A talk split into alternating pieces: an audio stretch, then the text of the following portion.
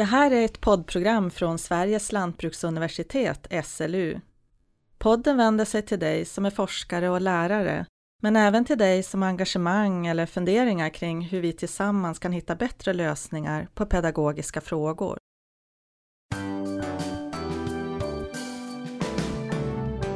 Varmt välkommen till podden Bra för en, bra för alla om att undervisa tillgängligt online vid universiteten.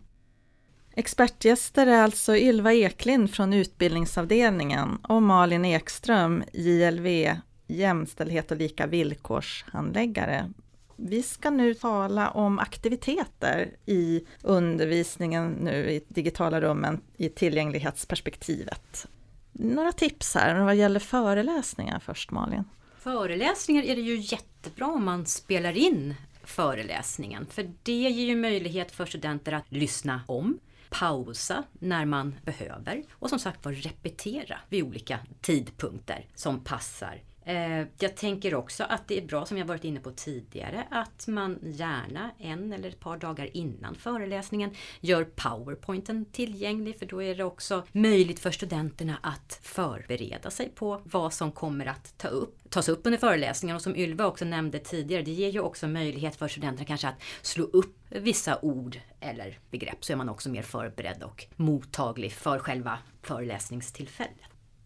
Vi har varit inne på powerpointsen också, att man tänker på att de är tydliga, att man inte har för litet typsnitt och blandar för många olika färger. Att man har en tydlig kontrast eh, också mellan bakgrund och texten. Mm. Grupparbeten, pararbeten? Där skulle jag säga det viktigaste att ta med sig som lärare, det är att hjälpa studenterna att, att helt enkelt dela in i grupper. För det kan vara svårt för en del studenter i just de här sociala sammanhangen att liksom när det kommer till att man ska själv dela in sig i, i grupper till exempel. Det kan uppstå ett hinder att, att det blir, blir svårt. Mm. Då underlättar det jättemycket om man som lärare redan liksom delar in ja. grupperna. Och där har ju det. Zoom ett, ett bra, det här breakout rooms med slumpmässig indelning. Precis. Som går på ett litet kick. Bara. Precis, som går på ett litet kick. Ja. Det är ett bra verktyg att använda som lärare. Eh, sen har vi praktiska momenten då. Ja, vad händer med studiebesök, fältarbeten, exkursioner, laborationer? Ja, men där pågår det ju för fullt nu, liksom febril aktivitet till exempel, att, att spela in filmer. Om studenterna inte kan vara på plats till exempel, ja men då spelar vi in från den här platsen, från den här trädgården eller vad det nu kan eh, handla om. Om vi ska göra en labb, ja, då kanske läraren kan visa, som studenten kan lära sig av och ta del av då via filmmediet. Där det så är, är möjligt. Sen finns det ju viss färdighetsträning då man faktiskt måste göra. Men där det går så är ju film väldigt bra att använda sig av. Och det vet vi att det är en febril aktivitet som jag sa med filminspelande just nu. Mm. Uh, the power of feedback är ännu viktigare i digitala rum när man inte har samma kontakt med läraren. Ja, och det kan ju vara bra att läraren just avsätter tid, tydlig tid att kunna ställa frågor, till exempel efter föreläsningen. Eh, att man också gör tydligt hur man vill använda chatten. Ska studenterna ställa frågor i chatten under föreläsningen? Så får ju läraren ha bestämt sig för att man kanske vid vissa tidpunkter samlar in då de frågorna och, och besvarar dem. Eh, så så det, det, krävs en tydlighet där också. Mm. Ja, sen är det vanliga med, med i, i Canvas som man använder nu då, lärplattformen. Man kan också, att man kanske oftare ger feedback på delar av arbeten. Kan vara Eh, sen har vi det här med metakognition, att få ja, men göra en självbedömning eller fundera över någonting, integrera det man har lärt sig. Och reflektion, har ni någonting där? Det kan ju vara bra att, att bygga in det reflektionsmoment tillsammans med studenterna under kursens gång. Men, men samma sak här, att vara tydliga med när och hur gör vi det? Eh, och en del som jag tänker också kan vara viktig kring det här med att mer möjlighet till reflektion, det som Ylva varit inne på tidigare, att man kanske också kan försöka bygga in under kursens gång att ha liksom avstämningar med studenter, lite utvärderingar om hur saker och ting går. För att det är för många av oss nya eh, miljöer och nya verktyg som använder och det blir nya utmaningar och, och mm. möjligheter. Mm. Och de där utvärderingarna är ju väldigt stor hjälp för mig när jag vill förbättra min undervisning. Precis.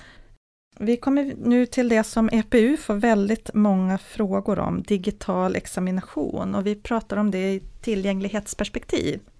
Ja, du menar nu i den här omställningen, att när vi inte har salstentor till exempel, att det, det då blir andra Exakt. examinationsformer. Och, är- när inte den här plattformen har kommit, ja man kan inte sitta i, i, i salar heller. Nej men precis, men att det i, kanske då i stor utsträckning handlar om att det blir olika typer av skrivuppgifter, till exempel hemskrivningar. Och där tänker jag att det är, kan vara viktigt som lärare redan inledningsvis Återigen det här med vikten av att initiera. Då kan man också säga så här att de studenter då som har eh, ett eh, intyg från, eh, eller rekommendation från samordnarna om till exempel då är behov av förlängd skrivtid. Att de då kontaktar läraren så att man kommer överens, liksom ser hur man skulle lösa det på ett bra sätt och vilken förlängning som, som kan vara aktuell. Och där kan man ju också tänka att när det är en hemskrivning att ja, man kanske redan från början har en ordentlig tid för hemskrivningen.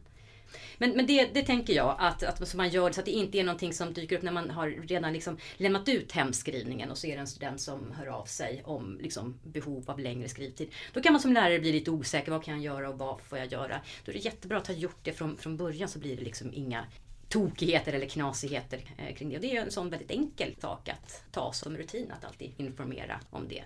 Och sen tänker jag väl också när det gäller när man skriver sina hemskrivningsfrågor, för det är ju också ett annat sätt liksom, att skriva en hemskrivningsfråga mot en salskrivningsfråga.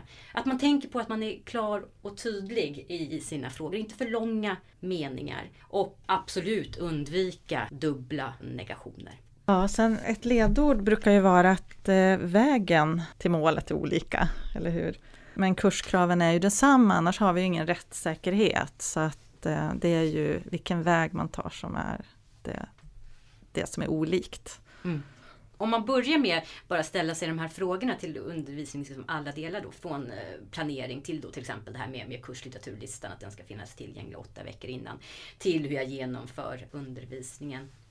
Om man gör det från början så tänker jag att också att, att det blir så att dels så undviker man då att en del problem som kanske skulle dyka upp under kursens gång som skulle ta en massa tid. Absolut. Och sen så kanske då alla frågor som skulle komma från studenter om liksom, vad, vad hittar jag kurslitteraturlistan? Så, jag har inte fått tag i den här boken som talbok för att jag hade inte tillgång till eh, kurslitteraturen, kurslitteraturlistan förrän bara någon vecka innan undervisningen. Eller frågor kring examinationens genomförande. Så, så tänker jag att man också eliminerar många frågor.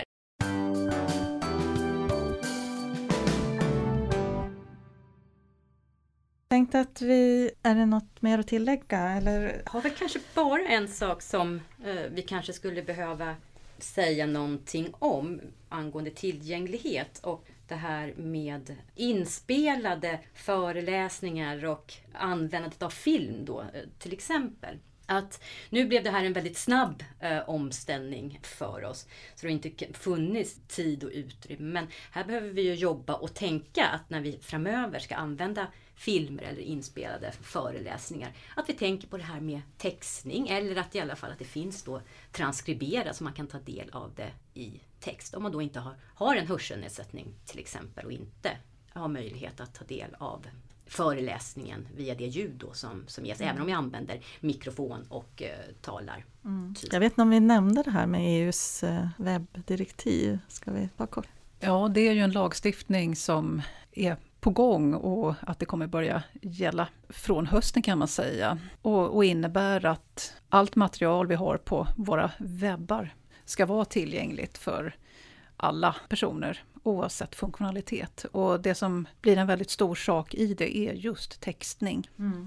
Vad vet vi då? Hur, hur går det för studenterna? De sitter hemma med sina datorer.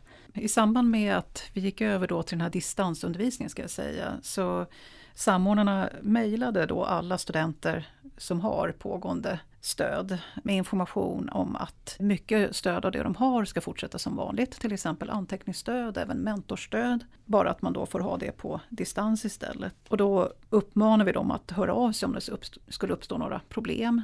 Och det är ett fåtal som har gjort det, men eh, vår förhoppning är ändå, och vårt intryck, att det verkar fungera ganska bra för de flesta.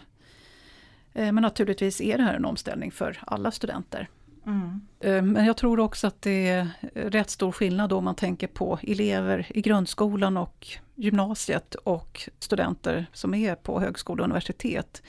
Som ju ja, i sig är vana att ta ett självständigt ansvar för sina studier. Så att jag tror nog att det är mycket som fungerar Mm. ganska bra.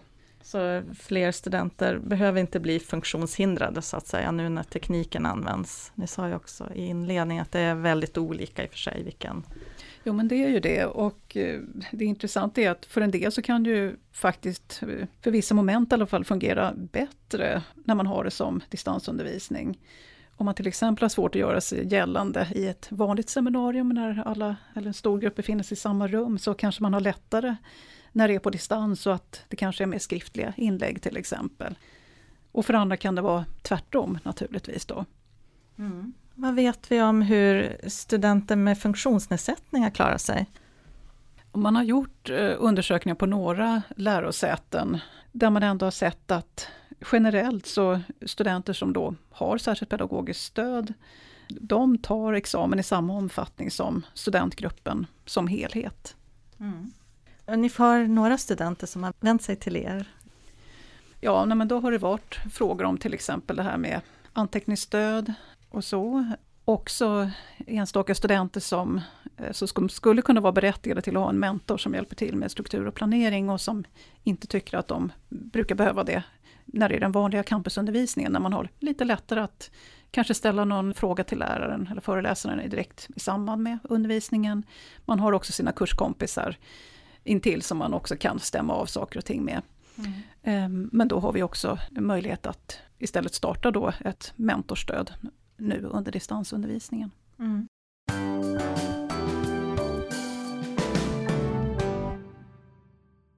Det är dags att summera samtalet och eh, vi ska strax få era bästa tips och tricks. Eh, Ylva, vilka är de gemensamma nämnarna mellan studenterna med olika behov, funktionsnedsättningar och studenter i allmänhet? Vad är det som, som vi kan hitta här som är bra för en, som är bra för alla? Nej, men en utgångspunkt som jag tänker det är att framförallt så är de alla studenter. De är här för att de är intresserade av våra utbildningar och de är här med olika förutsättningar och eh, förmågor och styrkor och eh, vissa svårigheter. Eh, så vi ska jobba för att eh, försöka få det tillgängligt för alla. Ja, vilka är de bästa topp fem råden som ni vill ge? Ja, men för mig är det ju det här, se till att följa de regler vi faktiskt har med litteraturlistan i tid, åtta veckor före kursstart, preliminärt schema fyra veckor före kursstart. Det underlättar så för alla. Eh, när du visar powerpoints, ha tillräckligt stor text, inte för många punkter. Använd mikrofon, ett headset till exempel, när du pratar på din föreläsning. Titta i kameran och visa dina läppar så att det går att eh, läsa på läpparna. Ha bra ljus i rummet. Se till att alla har sina mikrofoner avstängda så att det inte är något störande ljud. Eh, ha inte några inslag med musik i bakgrunden när det är text eller när det är prat i övrigt. Använd mikrofon, det har vi pratat om mycket under eh, samtalets gång. Att man inte glömmer bort pauser. Om man kör en föreläsning i realtid online så är pauser lika viktiga då som när man kör campusföreläsningar. Eh, Utvärdera tillsammans med studenterna under kursens gång. Ge tillgång till material innan undervisningstillfället.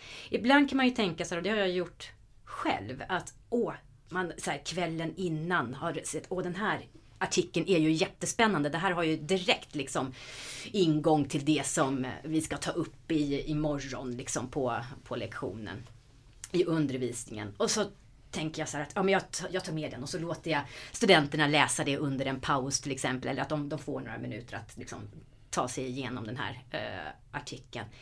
Men det är jättebra tänkt att man tänker att det, det blir aktuellt och det blir liksom så här, åh, spot on vad liksom undervisningen ska ta upp. Men det blir också ett hinder för de av oss som till exempel har läs och skrivsvårigheter. Det blir omöjligt att på den tiden ta sig igenom den texten. Så även liksom om tanken är god, om man tänker liksom pedagogiskt kring det för att liksom aktualisera ett, ett tema till exempel på, på kursen. Så kan man samtidigt eh, så kan det samtidigt innebära ett, ett hinder. Så undvik ny text under liksom pågående eh, undervisning. Mm. För det blir svårt för en del studenter att ta sig igenom den texten och sen då kunna följa med i resten av liksom resonemanget. Så måste jag säga att det är ett otroligt bra och imponerande jobb som alla våra lärare gör och har gjort i den här eh, omställningen att gå från en planerad campusundervisning till onlineundervisning. Verkligen. Tack. Eh, programmet är slut. Ett stort tack för experthjälp. Ylva Eklind, utbildningsavdelningen och Malin Ekström, JLV-handläggare vid SLU. Ni har delat med er av kunskap och erfarenhet om rätten till lika villkor i vårt program Bra för en, bra för alla. Tack för att du har lyssnat. Fler poddar planeras, så håll utkik på SLU, EPUs och avdelningen för lärande digitaliserings hemsidor.